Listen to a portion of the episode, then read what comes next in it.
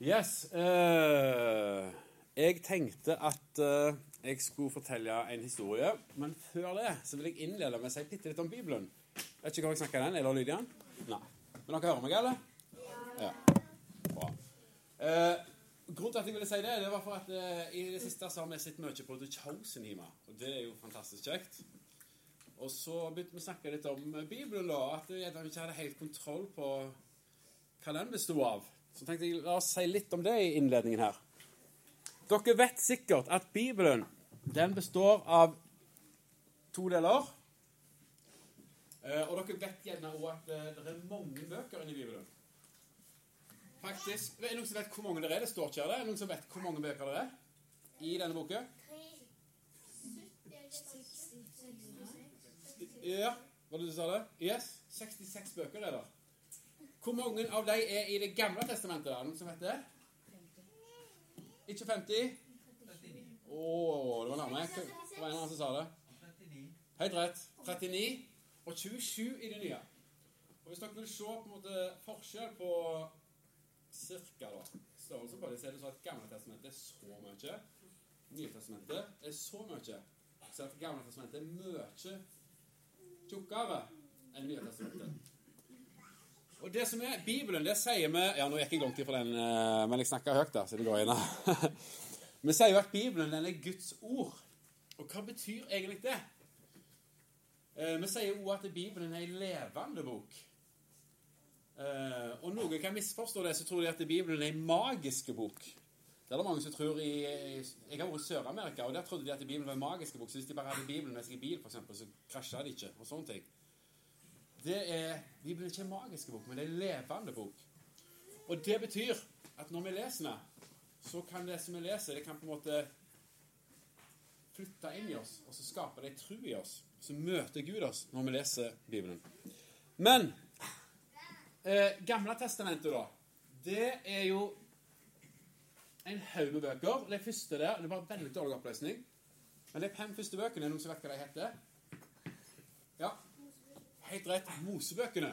Hva handler de om? Er det noen som vet det? handler om Moses, ja. Er det mer, flere ting? Ja. Du kan si, Den første boken der, første Mosebok, de elleve, tror jeg, første kapitlene der, det er det som vi kaller for urhistorie. Og Det er på en måte, det er ikke helt tidfesta, men vi vet at det er det aller første som skjer.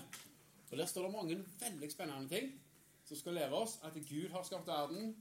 Han ville det så. Verden er bra. Og det forklarer oss hvordan menneskene er, hvorfor menneskene er som de er. Veldig mange kjempespennende historier i de første kapitlene der. Og så, når vi kommer til kapittel 12, så begynner historien om Abraham og så utover. Da er det ganske godt tidfesta, og da er det ca. for 4000 år siden. Så du kan si, når Abraham sin historie begynner i kapittel 12 i den første boka, så er det for ca. 4000 år siden. Og så går det oppover, og så på slutten så nærmer vi oss, nærmer oss at Jesus blir født. Så det er på en måte den, den historien der, da. 400 år før Jesus kommer, cirka i den siste boka der. Så Det er Gamle testamentet. Og når Jesus gikk på jord, da, så hadde de hele Gamle testamentet. Så de leste i Gamle testamentet når de hadde møter, eller når de var i tempelet. Så når Jesus leser, så er de fra Gamle testamentet. Det hadde de allerede da. Og det som er viktig å vite om både Gamle og Nye testamentet, det er at det er ikke eventyr. Dette snakket jeg litt om, dette har Emilie hørt litt om det, men jeg skal ikke gjenta alt det. Men mange tror at Bibelen er et eventyr, eller at det ligner på eventyr. Men det er bare tull og tøys. Det er ingenting med denne boken som minner om eventyr. I et eventyr så sier vi at det var en gang. For vi vet ikke hva det skjedde, for det har ikke skjedd. Og så er det tusser og troll og diverse ting. Mens i Bibelen der står det hva tid det skjedde, det står hvor det skjedde, det står hvem som var der, hvem som var vitner. Så det er ei historiebok. Så det går an å sjekke om det er sant. Og Derfor er det ganske mange sånne arkeologiske funn som kan bekrefte mange av tingene. For det har jo faktisk skjedd. Eh, Nye testamentet, da. Det handler jo om ifra Jesus kom. Det begynner med at Jesus ble født, og så utover. Men det som vi snakket om hjemme, da, det er fire bøker her som vi kaller for evangelier. Nå er jeg helt ute av uh, Følger ikke med på hva jeg har skrevet her. Uh, det er fire bøker som vi kaller for evangelier. Og det betyr historien om Jesus' liv. Eller det betyr godt nytt. Men det er historien om Jesus sitt liv. Det er det evangeliene forteller oss. Det begynner med at han blir født, og så går det nesten 30 år, eller noen sier litt om når han var 12, men så er det liksom når han er 30 og utover de tre siste årene. Det er det evangeliene handler om. Og så er det fire stykk, og hvorfor er det det? Det var det vi syntes var litt løye når vi snakket om det hjemme. Det er fire historier om det samme. Hvorfor, hva er vitsen med det, liksom? Er noen som kan tenke seg det? Hvorfor er det fire, fire evangelier som alle forteller om Jesus sitt liv? Noen som kan tenke seg et lurt svar på det? Perspektiv. Perspektiv, ja. Hva betyr det? Jeg kan høre. For å si det så, hvis, hvis Jesus hadde levd i Ølensvåg i dag, og så var det bare jeg som hadde skrevet ned hva som hadde skjedd, da hadde alle sittet på en måte gjennom mine øyne. sant? Da hadde jeg beskrevet det som jeg hadde sett. Mens når Jesus levde, så var det veldig mange som skrev ned det som skjedde, enten fordi de hadde sett det sjøl, eller fordi de kjente noen som hadde sett det. Og så, når de skulle lage Bibelen Det nye testamentet, da, så tenkte de ok, nå må vi ta de aller beste og mest troverdige skriftene vi har. Og for at vi skal vite at de er troverdige, så må det være enten en av disiplene til Jesus eller noen venner av disiplene til Jesus. Sånn at vi vet at det de skriver, stemmer. Så måtte det stemme med det som de andre skrev som noen, sant? At det ikke på en måte er noe helt annet. For det tyder jo på at det ikke er sant. Men fordelen med at det er fire stykk, det er at de skriver på litt forskjellige måter. De får med forskjellige ting. For eksempel Matteus, han var en av disiplene. Han er veldig opptatt av at, eh, at han henviser til ting i Gamle testamentet, og, sånn at folk skal forstå at Jesus er den som Gamle testamentet skriver om. Markus han er en venn av Peter, tror vi. Så han har hørt historien av Peter, og så har han skrevet det ned. Og han skriver kjempekort. Så han skriver sikkert for deg som ikke er så glad i å lese. Skriver kort, og veldig opptatt av punktet action. Sant? Akkurat det som skjer, skriver han om. Eh, Lukas han er lege. Veldig flink å skrive. Han har skrevet apostelgjerninger nå, i tillegg til Lukas evangeliet. Og han han er ekstremt nøye. Han skriver i starten at han har etterforska denne saken. på en måte. Han skal finne ut akkurat hva som har skjedd. Og så skal han skrive så godt han kan for å forklare hva som har skjedd. Og Lukas han er veldig opptatt av lignelsene som Jesus forteller. Så hvis du skal lese lignelsene, så er det bra å lese Lukas. For han har fått med seg mye av det som Jesus fortalte. Kan godt hende Jesus fortalte enda mer. Det vet vi jo ikke. Men han har iallfall uh, hatt fokus på det. Og så Johannes. Han er en av disiplene til Jesus. Han er veldig opptatt av underne som Jesus gjør, for eksempel, og hva de betyr. At det er tegn. Så det er litt sånn forskjellige De ser dem fra forskjellige sider, og til, da forstår vi mer av Jesus sant? når forskjellige folk eh, beskriver det som har skjedd. Så Derfor er det veldig bra at dere har tatt med fire evangelier. Så det var litt om Bibelen som bok. Eh, det som jeg kan si da, Etter de fire evangeliene så kommer apostelgjerningene. Det handler om de første kristne. Jeg sa at det var Lukas hadde skrevet det òg, han legen. Han var med Paulus på mye av det som skjedde. Så han har skrevet ned det. Det handler om når de reiste rundt og fortalte om Jesus. alt som skjedde da. Og det var det mye spennende. Etter det så kommer en haug med brever som bl.a. Paulus har skrevet. Og det handler om hva det som Jesus gjorde, betyr. Hva betyr det for oss? Hvordan blir vi frelst? Og så videre. Så det, og så er det åpenbaringen til slutt, da, og det handler om hva som skal skje eh, rett før Jesus kommer tilbake til jord for å hente de kristne. de som tror på han. Så det var litt kort om eh, hva Bibelen er. Det er altså ikke eventyrbok. Det er levende bok. Ja. Da går vi videre. Eh, det som vi skal gå inn i i dag, det er Lukas, evangeliet. Nå skulle vi absolutt hatt en mikrofon som virka, for nå hadde jeg tenkt at en av dere skulle få lese. Men jeg kan si litt om det òg først. Eh, jeg sa at Lukas han er veldig opptatt av lignelsene som Jesus fortalte.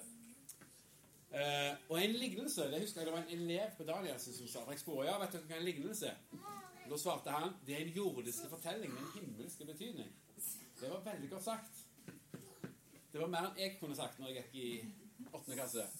Men det er altså en historie som Jesus forteller. Som regel så dikter han de opp. Og det var sånne historier som folk kunne kjenne igjen, for det handler om hverdagslivet.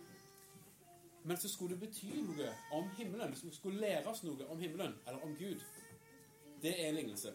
Og det er mange av dem i Lukas evangeliet. Og det som er så bra med dem, eh, det er at eh, de er like aktuelle Skal dere komme? Kom, ja. De er like aktuelle for oss i dag Oi, var det ikke de? Eh, De er like aktuelle i dag som de var når Jesus fortalte de. Så er det jo med Bibelen. Det er levende, oh, det er levende bok som er Som eh, Som taler til oss i dag òg. Eh, den historien vi skal lese, det er Den barmhjertige samaritan. Noen sier at det ikke er lignelse, men at det var en ekte historie som faktisk hadde skjedd. Det kan hende. Det er ikke så nøye, egentlig, for poenget i den.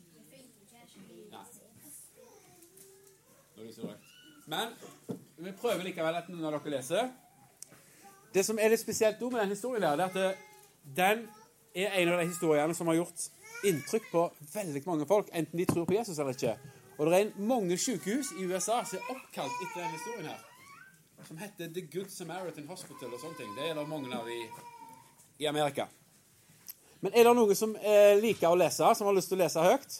Så det kommer en tekst på skjermen her. Er det, noen som våger det? Ingen som våger? Yes, Sara.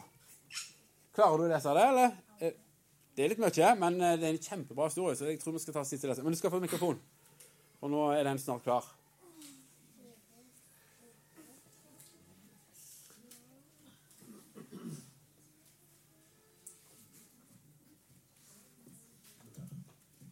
Kom fram her, Sara. Så ser du litt bedre.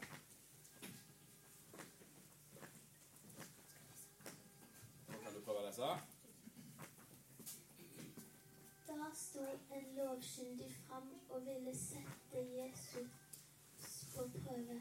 Mester, sa han, hva skal jeg gjøre for å arve evig liv? Hva står skrevet i loven? sa Jesus. Hvordan leser du? Han svarte.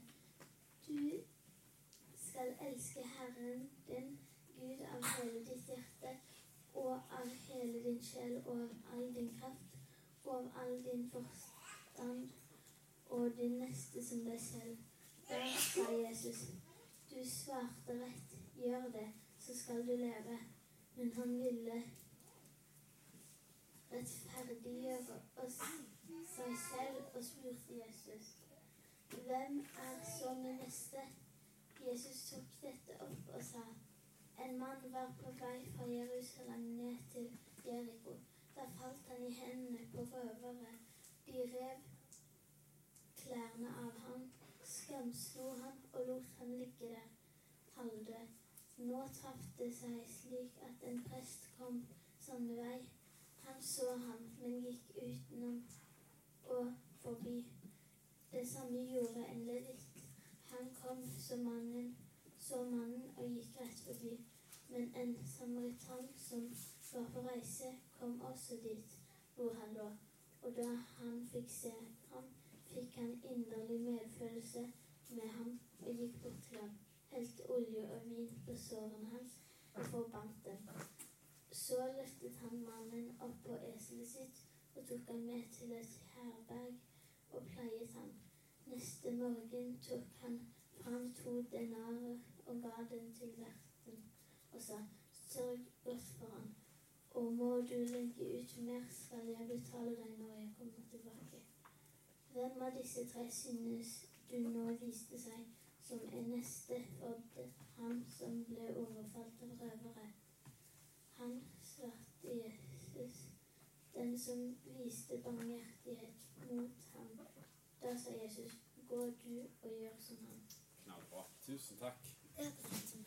Det var en lang historie, men fikk dere med dere hva det sto? Ja. Det er litt. Det er en utrolig fin historie. Altså, En lovkyndig det er jo en sånn mann som kunne lovene som sto i Det gamle testamentet. Og de var ofte i krangel og diskusjon med Jesus. De likte ikke Jesus så godt. Og her står det at det kom en sånn bare for å teste Jesus. Og det han spurte om, det var det som de ofte spør om. Jeg tror det er 19 ganger det står i Bibelen at de spør han om dette spørsmålet. Hva skal jeg gjøre for å arve evig liv? Eller lignende spørsmål. Og så svarer Jesus dette her. Du skal elske Gud av all din sjel og all din kraft og så videre, og nesten din som deg sjøl. nei, det, det var han sjøl som sa det, faktisk. Uh, og så sier Jesus ja, det var rett. Og så sier han ja, men hvem er min neste, da? Og så svarer da Jesus med denne historien. Um, Det som er litt spesielt her, i denne historien her, det er at uh, han mannen som uh, ligger der, han var nok en jøde, sannsynligvis, sånn som de fleste der var. Jesus og disiplene var jøder. Og så blir han overfalt. Og så kommer det heldigvis en mann forbi som kan redde han, og det er jo en prest. Så han må jo hjelpe. En prest det var jo de som jobba i tempelet, og som eh, kunne Gamle testamentet og skulle følge Gud. Så det, det var jo kjempeflaks at det kom en prest. Men hva gjorde presten? Han gikk rett forbi, her var det du symboliserte. Yes, han gikk rett forbi. Og så kom det en til som kaller seg for en levitt. Det er jo en som jobba i tempelet. Det hadde jobben deres var å jobbe i tempelet. Eh, og hva gjorde han, da? Han bare gikk forbi. Hva syns dere om det? Frekkent. Ikke bra. Frekt, ja. Jeg er helt enig. Ikke bra i det hele tatt. Skal vi se Men den siste som kom, hva var det han ble kalt? Fikk dere med dere det? En sam...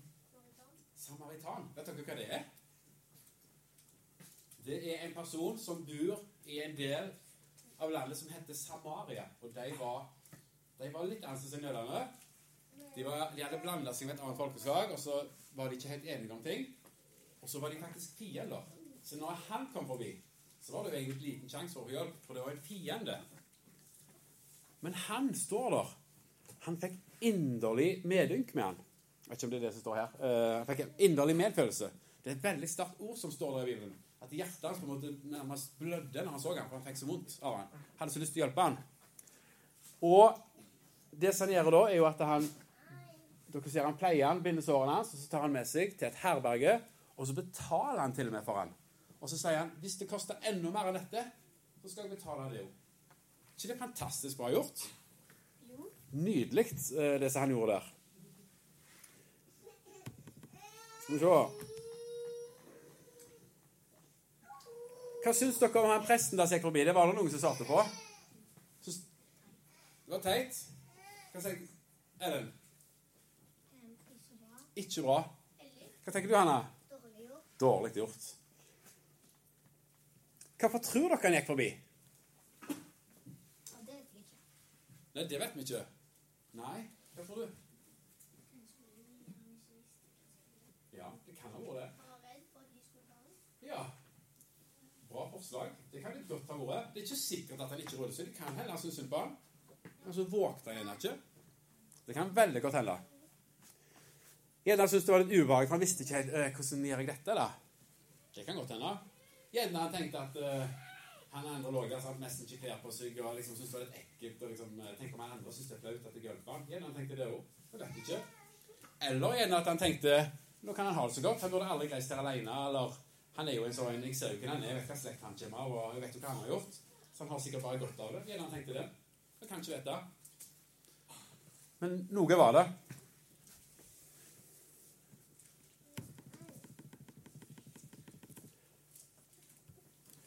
Og akkurat likt med han andre. Han tenkte sikkert litt av det samme. Vi har ikke peiling. Ville iallfall ikke involvere seg. Mens samaritan, han Dette har jeg jo sagt før. Han ville involvere seg, og han syntes nok ikke det var mindre vanskelig enn de andre. Sant? Han var jo en fiende. Så hvis de andre var redde, så var nok iallfall samaritan det. Men han tok risikoen, og så gjorde han det likevel. For han syntes så synd i han, og måtte gjøre det som var rett. Og så sier jo Jesus da til de som hører på dette her Gå du og gjør, det samme. Det er det du skal gjøre. Så det betyr på en måte at eh, å følge Jesus betyr å være som han. Det, det betyr å leve som kristen. Så hva med oss i dag? Har vi noen sånne personer som vi treffer, som kan sammenlignes med han mannen der som ligger der i ei grøft? Hva tenker dere om det? Kan det være noen som vi treffer på, som kan sammenlignes med han? Gjerne, for eksempel, Det er ikke sikkert at dere ser noen som ligger i grøft, akkurat. Men gjerne, gjerne dere ser noen som ikke har venner. Gjerne dere ser noen som folk er stygge med. Hva tror du? Ja. På skolen der er det ei som spurte jeg har du ingen å leke med? Og så svarte hun nei, fordi ingen i klassen har lyst til å leke med meg.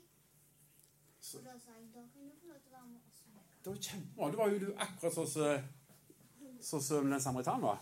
Det er jo knallbra. Veldig fint. Ehm, men jeg tror at vi har ganske mange som vi treffer i eh, vårt liv, som kan sammenlignes med han der. Noen som trenger vår hjelp, eller som trenger vår medfølelse. Ehm, og så kan det være mange grunner til at vi ikke Jeg kjenner meg selv igjen den historien. Den treffer meg voldsomt. For ofte syns jeg det er ubehagelig å hjelpe noen som trenger hjelpen min. Ofte syns jeg det er flaut. Eh, ofte så tror jeg at jeg gjerne ikke vil, for de syns at jeg blir litt for nærgående. Eller det kan være mange ting som gjør at jeg bare Nei, det er sikkert bare best å holde seg vekke. De vil sikkert ikke at jeg skal hjelpe dem. Um, ja. Så da er jo spørsmålet Er vi da litt som de, de to som bare gikk forbi? Vi kan ha mange gode grunner, men så gjør vi det likevel. Finnes det noen gode grunner da, til ikke å hjelpe? Det er et ledende spørsmål. Jeg tror ikke det gjør det. Kan, vi kan ha mange forklaringer, men jeg tror egentlig ikke det finnes mange gode grunner til å hjelpe noen som vi ser trenger vår hjelp. Uh, og så er det så at uh, vi har snakket mange, mye om et tema her på denne leiren med voksne.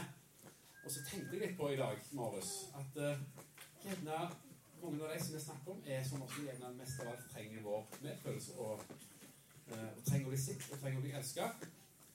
Eh, og trenger et møte med Gud. Så ja.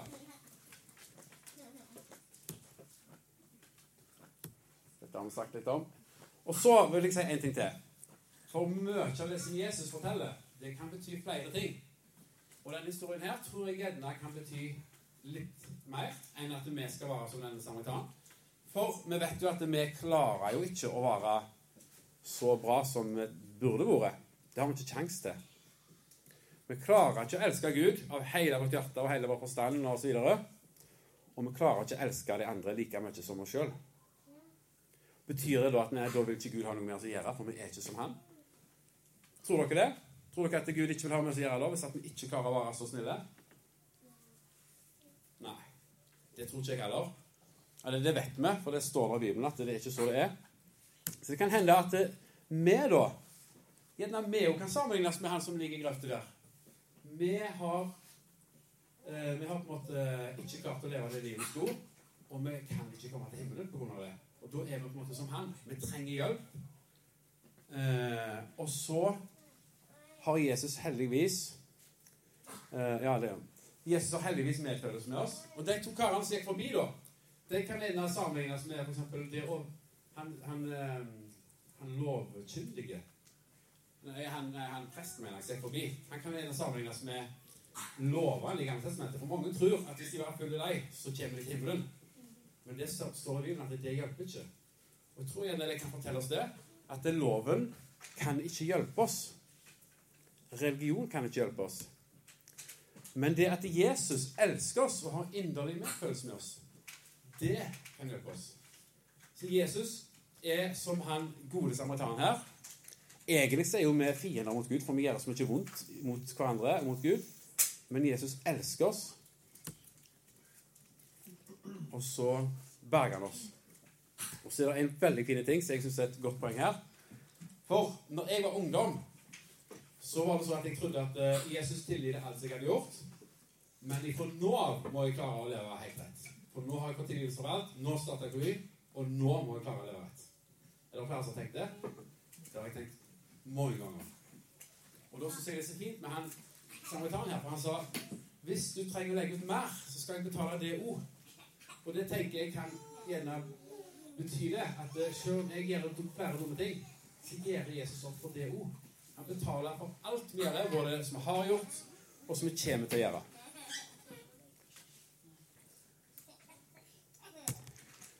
Yes. Da skal vi prøve å oppsummere denne historien. da. Å leve som kristen, det handler om å elske Gud og elske vår neste. Det er det Jesus vil at vi skal gjøre. Vår neste det er de som vi treffer på vår vei, og som trenger at vi er gode mot dem. Dette skal være et kjennetegn på oss som er kristne. Og så et annet poeng, da. Vi klarer ikke å elske Gud sånn som vi burde. Og da er Jesus som den gode samaritan mot oss og hjelper oss og pleier oss og betaler for oss. Yes. Det var det jeg ville si. Nå skal vi be litt. Kjære Jesus, takker deg for at uh, du elsker oss. Takk for at du er som uh, den gode samaritan, som har medfølelse med oss, og som berger oss, og som gir opp for oss. Hjelp oss til å hjelpe deg som vi kan, Jesus, og være uh, dine folk her på jord. Amen.